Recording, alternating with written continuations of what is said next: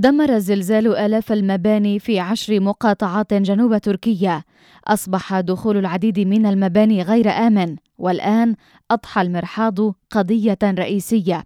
مقاطعة هاتاي كانت من أكثر المحافظات المتضررة، وقال نائب الأمين العام للبلدية فيها إحسان شاكر إنهم بحاجة إلى مراحيض متنقلة، مشيرا إلى أن المتطوعين والموظفين يضطرون للذهاب إلى المدن المجاورة لتلبية احتياجاتهم بخصوص استعمال المرحاض. وأفادت وسائل إعلام تركية أن المناطق المتضررة تلقت 58 مرحاضا ودشا متنقلا بينما يستعد المصنعون في جميع أنحاء البلاد لإنتاج المزيد.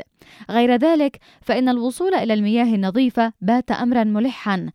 فحذر طبيب إسطنبولي اسمه جلال الدين كوكاتورك من أن مصادر الماء قد تكون ملوثة ومن أن نظام الصرف الصحي في حالة دمار مضيفا أن مياه الصنبور ليست آمنة للشرب أو الوضوء الآن وأضاف أن هناك خطرا متزايدا لحدوث جائحة. هذه هي المستجدات حتى الآن لآثار الزلزال الذي ضرب تركيا وسوريا في يوم اثنين في السادس من شباط لشبكة أجيال أسيل دوزدار.